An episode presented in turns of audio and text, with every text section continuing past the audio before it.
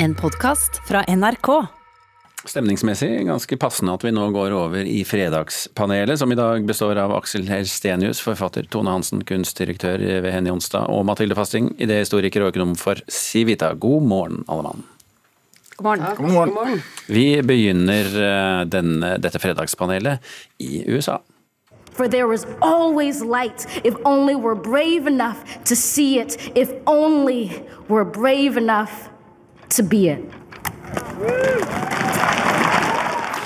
Jeg hørte her eh, avslutningen av diktet 'The Hill We Climb', fremført under, eh, en, eh, under innsettelsen av president Joe Biden av den 22 år gamle poeten Amanda Gorman. Spørsmålet vårt er til panelet, vi kan begynne med deg, fru Fasting.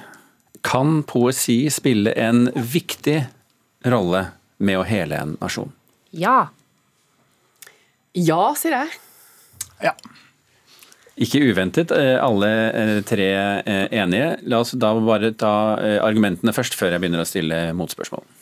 ja.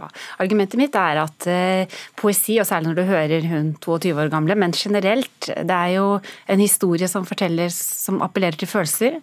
Og er det noe som er f.eks. i USA nå, så er det jo følelser. Veldig mye følelser.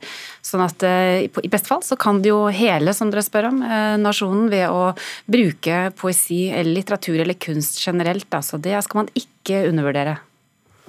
Altså, eh, hun sier det så fint 'quiet isn't always peace'. Eh, og det er noe med det at hvis ikke vi tror på poesiens kraft, så har vi mista samfunnet vårt, tenker jeg. Og spesielt i disse tider, med alle de urolighetene vi har hatt, så tenker jeg at eh, å ja, vi trenger mer poesi. Akkurat Du, du drar jo drømmer inn i studio. Vi er jo drømmere, så, så vi er jo We have a dream, og vi drømmer om den her. Det er klart at eh, de som er mer opptatt av mareritt hvis du hadde dratt inn Proud Boys her, så hadde de sagt at poesi suger. Og at bare at hun står der, suger big time. Og liksom må gjøre det motsatte av å hele. Så du, det er jo helt klart hvem du spør i denne saken her, men eh, Jo, men Det er hele poenget med oppfølgerspørsmålet mitt også, nemlig at hvis du skal få til heling, så må du snakke til begge parter. Ja. Og snakker hun her til Proud Boys og dess like? Jeg synes i hvert fall Hun sa én ting som jeg synes var veldig fint. Hun sa veldig mange ting som var fint, men hun sier det at vi prøver ikke å danne en union som er perfekt. Vi strever etter å smi en forening som har et formål og en mening. Det synes jeg var en veldig, jeg likte de setningene der veldig godt. Men først og fremst så må du jo, du må jo eh, altså, eh, Hvis du spør om de vil akseptere det hun sier, så må du i hvert fall få dem til å høre på henne i utgangspunktet. Det er jo sikkert mange av dem som ikke engang skrur på kanalen og hører på henne. Men generelt så kan du håpe at det siger inn, da. At det kommer så mange ganger gjentatt at de også etter hvert vil høre. Og kanskje noen av dem begynner å lytte til hva hun sier. Og gjør de det, så får man jo håpe at ord, ord har makt. Og også i politikken. Men, men er det noe ved situasjonen i USA de siste 4-30-50 årene som skulle tilsi at eh, splittelsen eh, er i ferd med å, å bli mindre? Det tror jeg ikke. eh, men- Retorisk spørsmål. Det var veldig retorisk, det skal jeg si. Men jeg tenker at eh, måten hun snakker på, eh, og hvordan det blir fremført på, det er jo ganske interessant. Nå skal ikke jeg foregripe neste spørsmål, men vi kan jo ikke sette kunstneren i veien for verket. Eh, og hvis verket hennes skal snakke, så snakker hun jo om forsoning. Eh, Men du må snakke til noen, er mitt poeng. Ja, du snakker til noen. Eh, Jeg tror det skal, du skal nok langt av gårde før poesien eh, skal være aleneredde i USA, men at poesien kan være med på å skape en ny temperatur som er mer forsonende, det håper jeg. Hun hadde en veldig bra TED-talk som jeg prøvde å piffe dem opp med da jeg kom hit i dag. Og de som ikke vet hva TED Talks er, så er det altså en serie med, kort, eh, med korte foredrag som man kan se på f.eks. YouTube.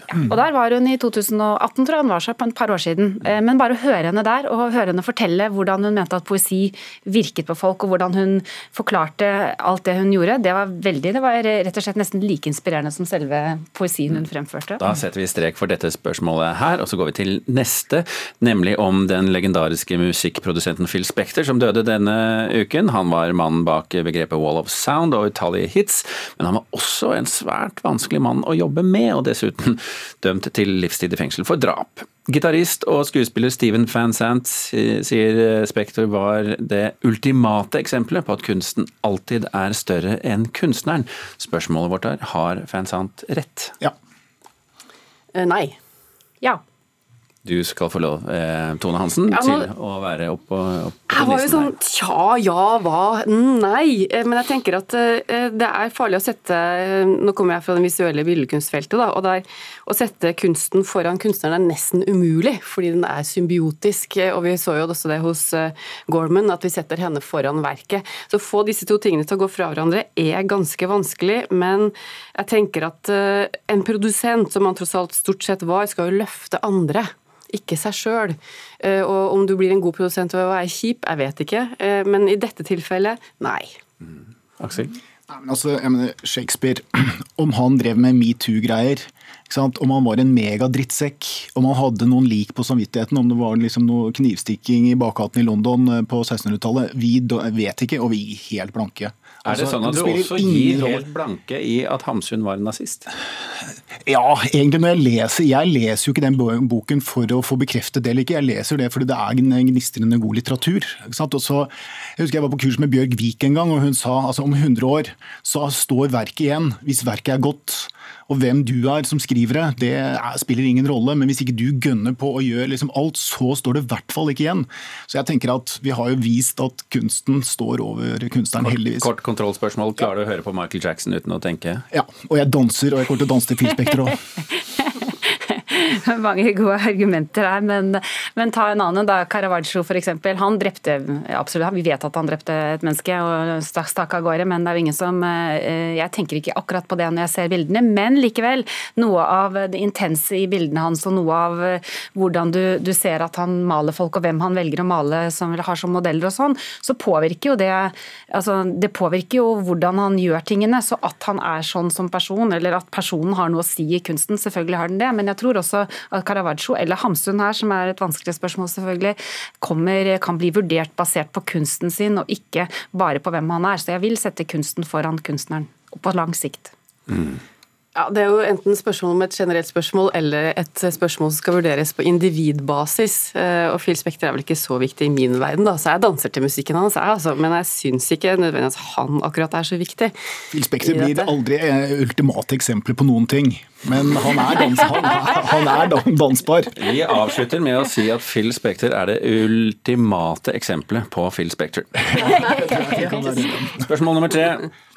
Kunstneren eh, Veslemøy Lillengen eh, samler for tiden inn urin fra kvinnelige kunstnere, og med denne urinen så skal hun eh, lage T-skjorter i fargen potteblå.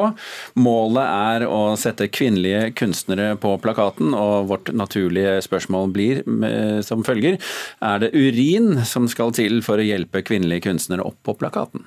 Sånn som du stiller spørsmålet, nei. Jeg har lyst til å svare ja. Ja, noterer vi? Ja, det er definitivt nei. Da skal du få lov til å forklare hvorfor du kjenner denne lysten. Nei, altså, Det riktige svaret er selvfølgelig nei. Altså, det, det morsomme svaret er ja. Dette har jeg ventet på kjempelenge. Noe så liksom Ko-ko. Ko-ko som det der. Ehm, nei, altså, hva skal vi si? Eh, jeg tror at eh, Kanskje for du sier fra i dag, da, så er vi opptatt av at kunstnere skal frem. Og kvinnelige kunstnere kan vi jo kutte ut med en gang. De vil jo ikke bli kalt kvinnelige kunstnere. Ingen kunstnere vil bli kalt det. Ingen sportskvinner vil bli kalt sportskvinner, eller kvinnelig langrenn, eller hva du enn måtte. Må- Behøver ikke å sette det foran. Så så lenge hun gjør det, så blir det litt vanskelig. Eh, Hun kunne sagt eh, bare hjelpe kunstnere opp på plakaten. Og så hadde vi måttet tenke er det kvinner eller menn hun skal hjelpe her nå? Eh, Sannsynligvis kvinner, men vi trenger ikke å få vite det i, i det prosjektet hennes. Eh, Men hvis vi ser bakover i tid, så kan du si at der kan vi ikke gjøre opp for alt det ved å la kvinnene få lov til å komme frem. Vi kan ikke gjøre opp for 2000 år med mannlige kunstnere. Kunstdirektør Hansen. Hansen. Altså, jeg tenker at eh, Veslemøy Lillengen har et kjempepoeng, og hun skal ikke bare lage T-skjorter. Hun skal holde på i elleve år med å lage en skulptur av eh, objekter ja, i lin og silke som hun skal farge. Så hun skal jo ta landsdel for landsdel, så hun har jo latt seg et svært kartotek av et prosjekt som, eh, hvor T-skjortene er også en del av det. Så sånn sett så syns jeg hun, hun kommer til å finne veldig mye fakta. og og interessante opplevelser gjennom dette her, som skal manifestere seg i et gigantisk verk, og det syns jeg høres kjempespennende ut. Men, tror... men, men, det hørtes ut som det var et svar du lagde i går. Ja. Eh, hva sier du til eh, det Mathilde sier her om kvinnelige kunstnere? Jeg syns det er ikke noe å komme unna det. At uh, Hvis du ser på lønnsforskjellene mellom kvinner og menn i kunstnerfeltet i dag, så er den uh, ekstremt skeiv. Så hun har et poeng. Uh, og at hun løfter kvinnelige kunstnere gjennom og at de skal tisse i en potte, syns jeg er veldig gøy. Og så er det jo det at Hanna Ryggen farga garn sjøl. Hun var en kunstner som brukte alle sine verktøy. Hun lagde alle verktøyene sjøl. Hun var helt selvberga som kunstner. Inkludert urin? Eh, ja, for du bruker det for å forsterke farge i et stoff, og da får du potteblå, som det heter. Så det, er, det er en urgammel teknikk i tekstilkunsten. Urin, uringammel. Den er urin like gammel som urin, helt sikkert. Og urin i kunsten har vi hatt med André Serrano i forhold til aids. Så jeg syns hun tråkker ganske fint inn i et område som er uh, veldig morsomt. Men vi må snakke om T-skjorten. Vi må rett og slett snakke om T-skjorten. Du får en, Nå er du kvinnelig kunstner. Eller du er kunstner, da, jeg er helt enig, kvinne eller ikke. Men er liksom, nå er du veldig kvinne, for det er jo bare kvinner som får disse blå T-skjortene som de selv har tisset eh, blå.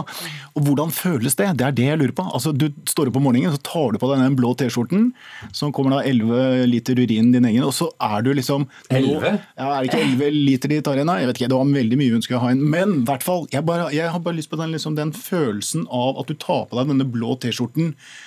Og så er du nå er jeg kvinnelig kunstner, og vi er veldig mange. Er det, dere er kvinner, hjelp meg. Ja, altså, jeg mener, Kjønn er jo en juridisk konstruksjon i dag. Du kan jo kalle deg kvinne. Kom igjen. Ja, men jeg, jeg får jo ikke den T-skjorten. Nei, men altså ja, ja. Men, men, var vi ikke, sånn Det norske selskapet selskap også er opptatt av kjønn ut fra fysikk, men jeg svarte i sted at kunsten var større enn kunstneren, og det holder jeg da fast ved ved dette svaret her. Uansett hvem det er som har laget den på, på, over tid, så vil det vise seg da om dette prosjektet hun har eh, virkelig er kunstnerisk kvalitet på som blir stående. Da setter vi strek for dagens fredagspanel. Mathilde Fasting fikk siste ord, idéhistoriker for Civita. Kunstdirektør Henny Onstad Kunstdirektør for Henny Onstad, Tone Hansen. Og mannlig forfatter Aksel Helsenius. Takk for at dere var med.